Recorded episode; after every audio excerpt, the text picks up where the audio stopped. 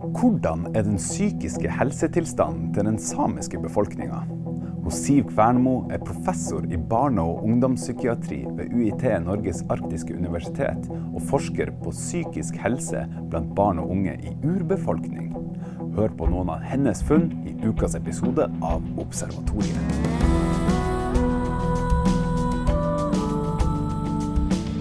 Observatoriet er en forskningspodkast fra UiT Norges arktiske universitet. Med Geir Hevnskjell Ringvold, mannen som lurer på det meste, og Marit Anne Hauan, som bokstavelig talt lever av fortellinger. Og en ny, spennende forsker hver uke.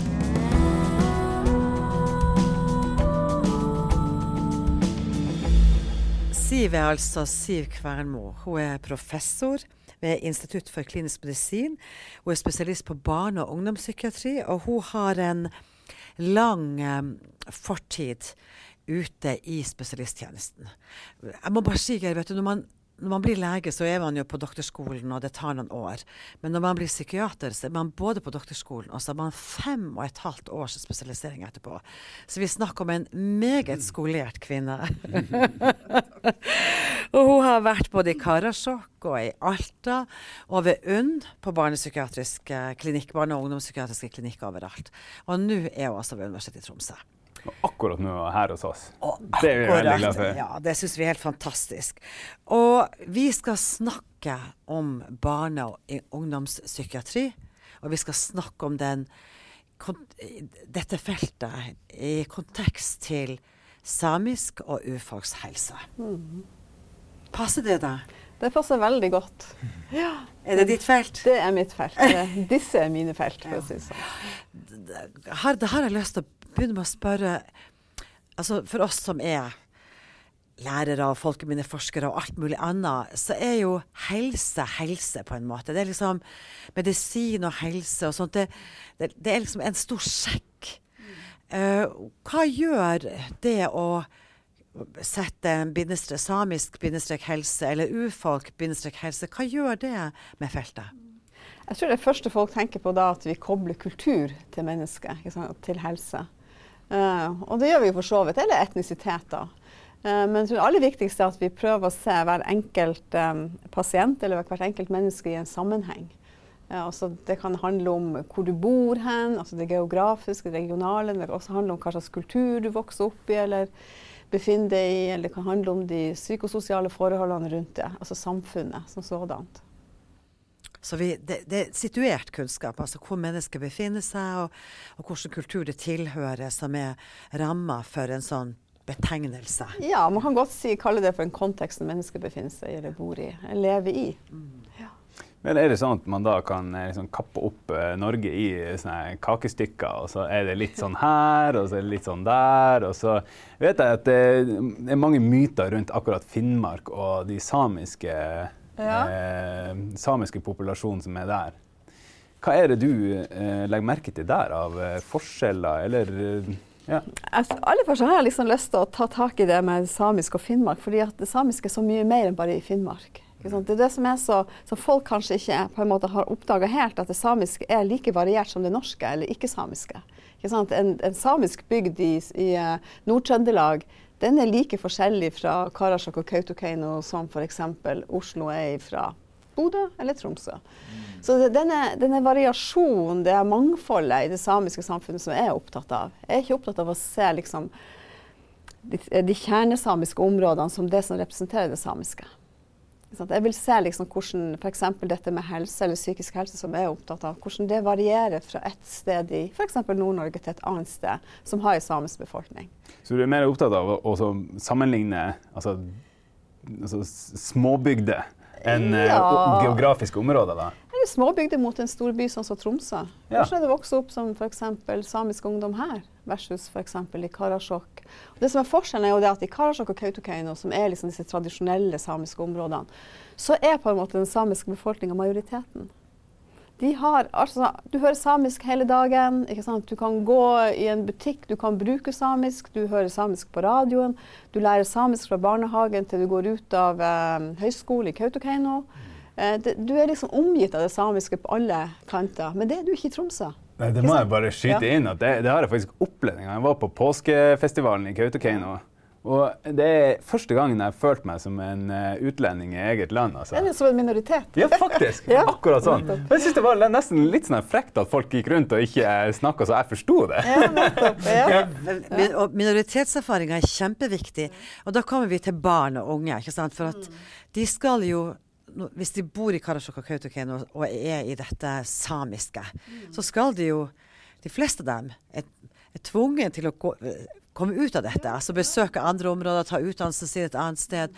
Hva er disse overgangene? Er de, de overgangene er de uh, greie for de klassiske barn som unge som er vokst opp i samiske Jo, jeg tror faktisk i dag så er de ganske greie for de aller fleste. Uh, vi må også huske på at innad i det samiske samfunnet, sånn som f.eks. Karasjok eller Kautokeino, så er det ganske stor variasjon i befolkninga der òg.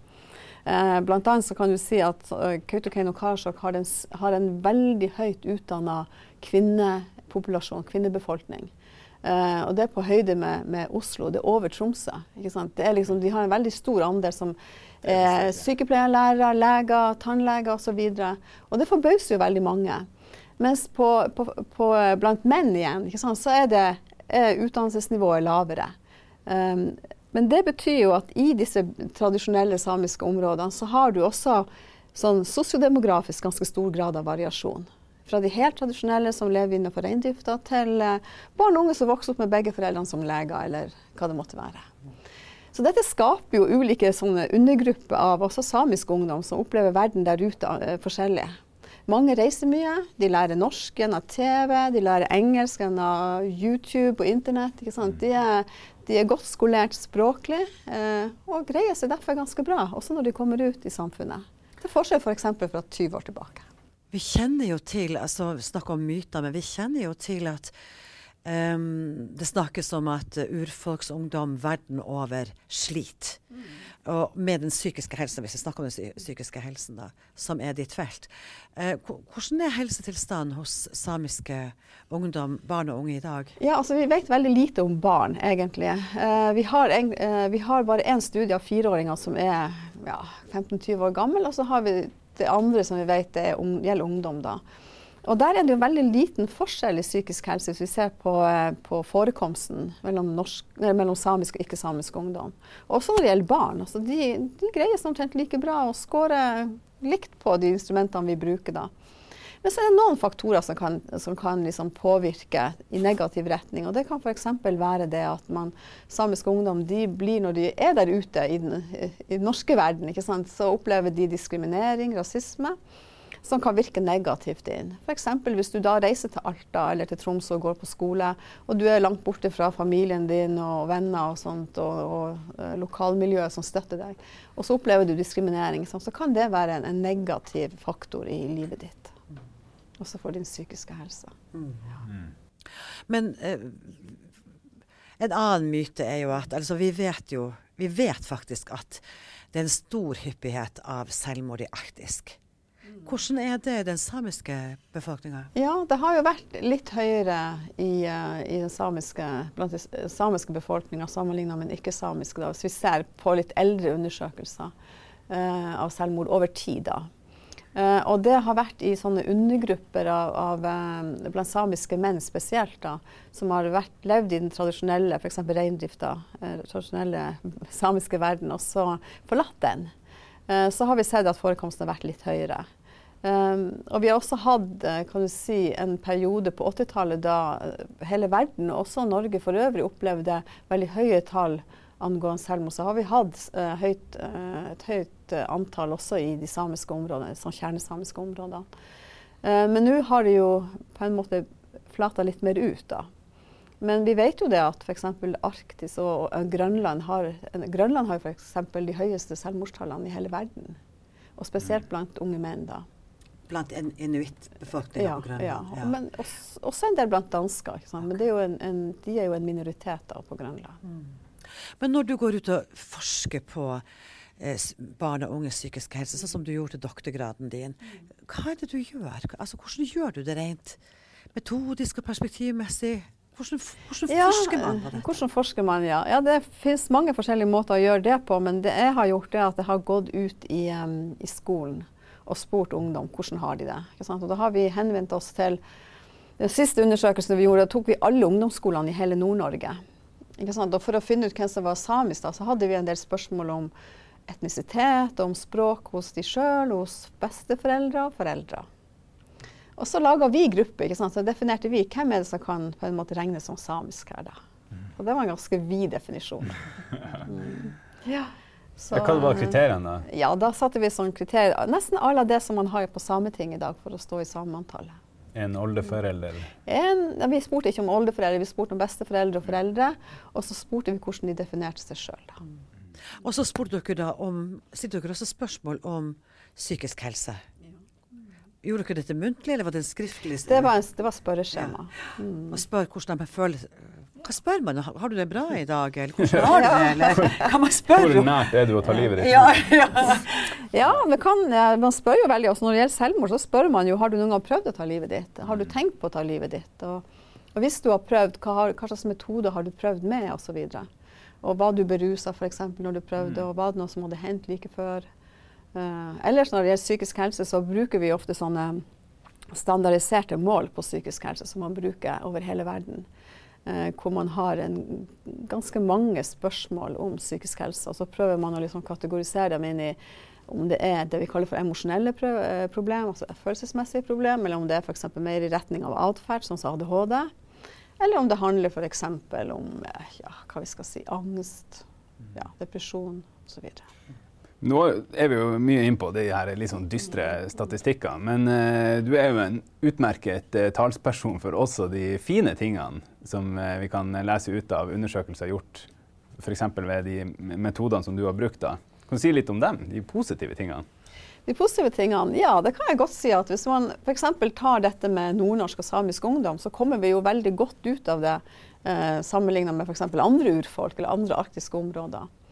Så, det, så, man kan jo spørre seg ja, hva er det som gjør at f.eks. samisk ungdom da er sammenligna med veldig mange andre urfolksgrupper rundt omkring i verden, kommer så godt ut da. Ikke sant? Mm. Og, og, det er jo positivt. For det betyr jo at man kan bidra til å belyse altså hvordan kan man fremme god psykisk helse hos andre urfolksungdom. Men hva er det som gjør at samisk ungdom kommer så godt ut da? Ja, altså Det vi finner at det er veldig lite uh, sosioøkonomiske forskjeller mellom samisk og ikke-samisk ungdom. Det er, som jeg var inne på i sted, så har vi liksom et høyt utdanningsnivå blant foreldrene, som betyr mye. Um, vi har gode levekår. Vi har et godt helsevesen. Uh, vi har skoler hvor ungdom trives, eller barn og unge trives. Uh, ja, en rekke sånne faktorer som betyr noe i barn og unges liv. Så det um, det tror jeg kanskje, og Spesielt dette med levekår og, og de sosioøkonomiske forholdene betyr mye. Er det en eksportartikkel? Hører andre fagmiljøer på dere når dere ja, ja, det er ganske morsomt, for det gjør de. Også. Jeg var nede i, i Australia og holdt foredrag i Alice Springs, som er liksom midt i hjertet av Australia. Og på sykehuset der så fortalte jeg litt om, um, om undersøkelsene våre, og, og, de var helt overraska over at det sto så bra til. Uh, og når jeg liksom beskrev liksom litt av det samiske samfunnet, eller nordnorske samfunnet, hvor vi har veldig mange f.eks. samiske leger sammenligna med andre urfolk, uh, så fikk de liksom hakeslepp. Hvordan går det an? og sånn. Uh, men jeg, jeg, tror at man må tenke at det samiske samfunnet etter krigen det fikk også utvikle seg på en sterk måte, sånn som det øvrige norske samfunnet. Um, fordi at utdanning var gratis, og man skulle ha lik tilgang til utdanning, så betydde det også at den samiske ungdommen, ungdomskohorten eller befolkninga fikk da eh, ta del i utdanningstilbudene eh, i Norge. Eh, selv om de på en måte var samiskspråklige, sånn, så hadde vi kvoter for samiske leger f.eks. Eller tannleger, fysioterapeuter, psykologer, som vi fortsatt har. Eh, som gjør at vi har fått en veldig høy andel av, av eh, ja, godt utdanna f.eks. helsepersonell. Men også andre. Det har vært hevda, eller det hevdes fortsatt, at uh, i den samiske kulturen, eller kulturene, de samiske kulturene, så er taushet et aktivt uh, redskap. Man tier stille om ting.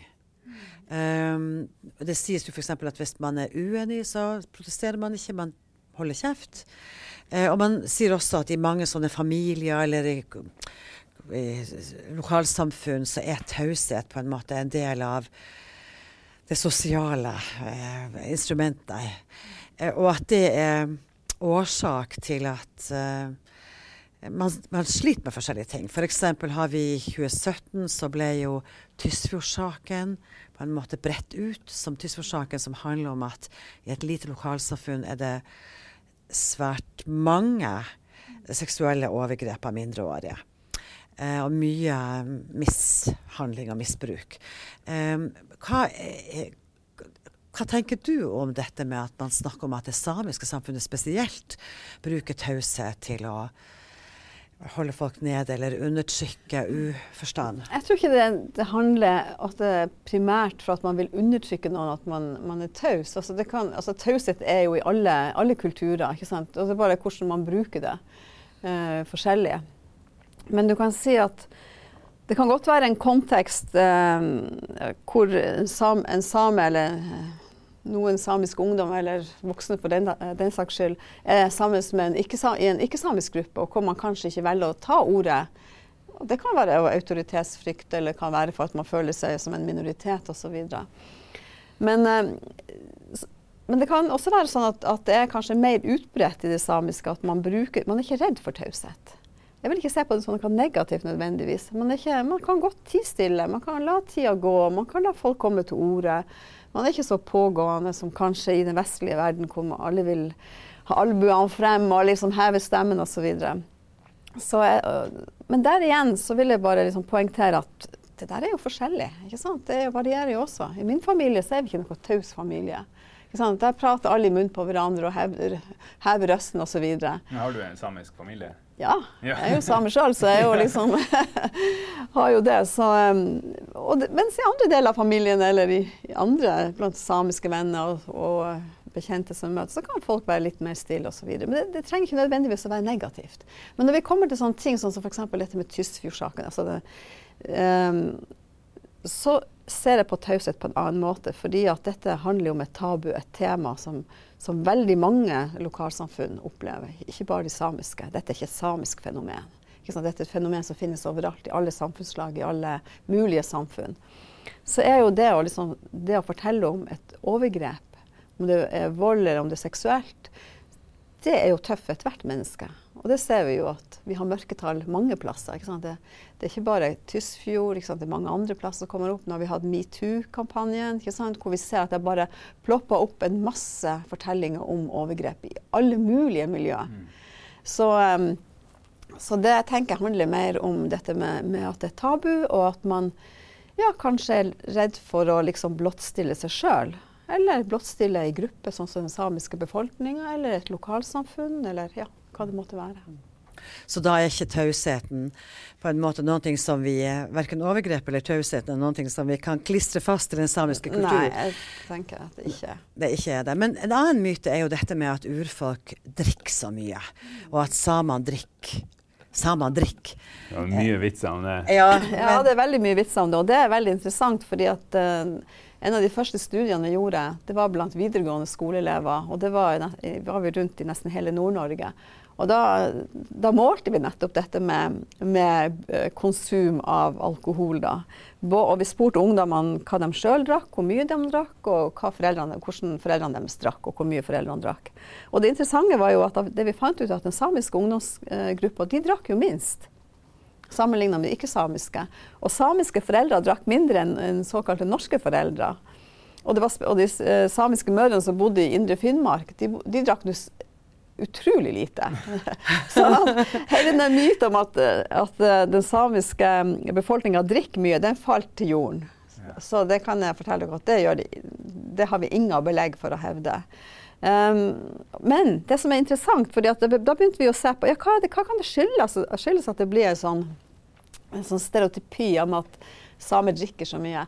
Og da var vi og så på, for vi hadde spurt ungdommen ja, når du tar en fest eller når du drikker alkohol, hvor drikker du alkohol da?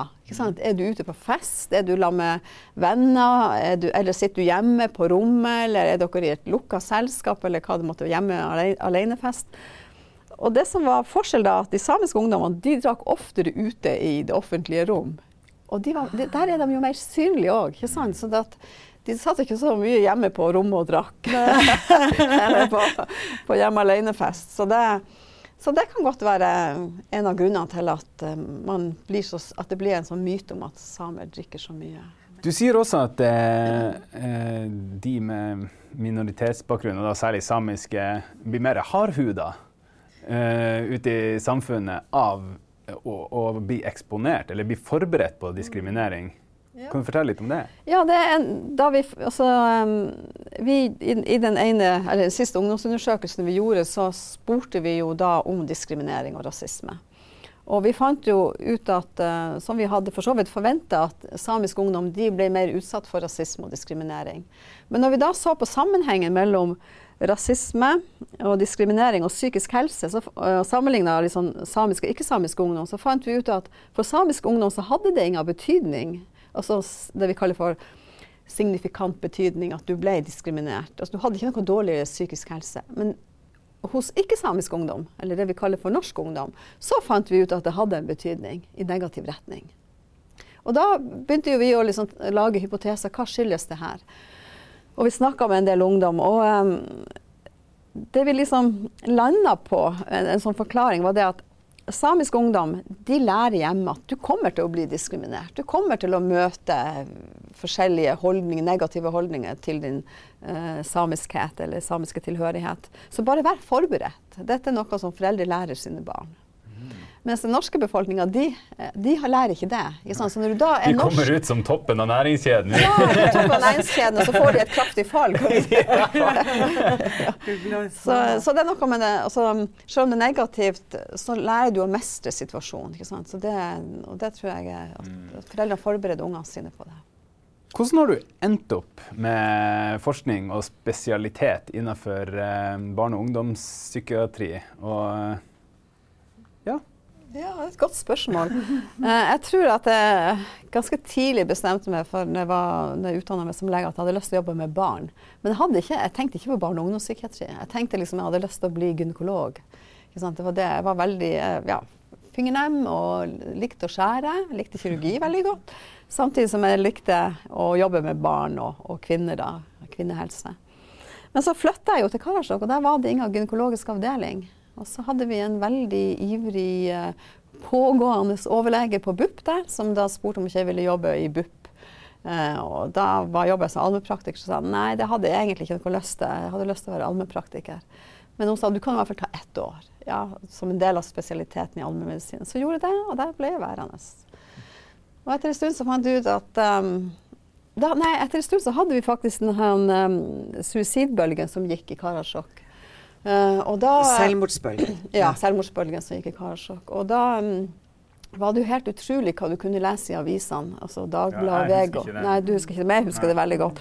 For der sto det liksom med store, uh, store feite typer i overskriften at samisk ungdom har mista sin identitet, og derfor tar de livet av seg.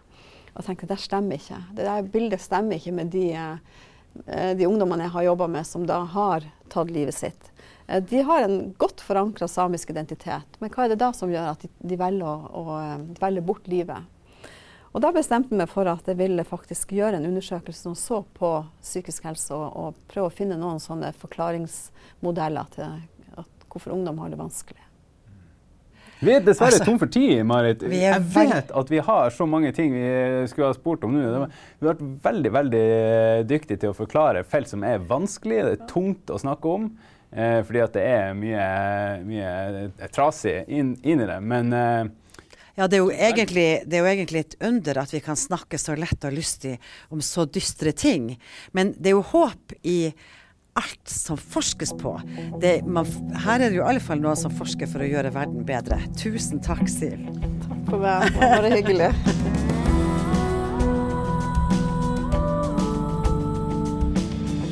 Takk for at du var med oss i dag. Vil du lese mer om forskninga ved UiT Norges arktiske universitet, finner du den på jubileumssidene våre uit.no 50. Lik oss gjerne på Facebook, på Observatoriet podkast, hvor vi deler alt fra kronikker til behind the scenes-materiale. Vi høres!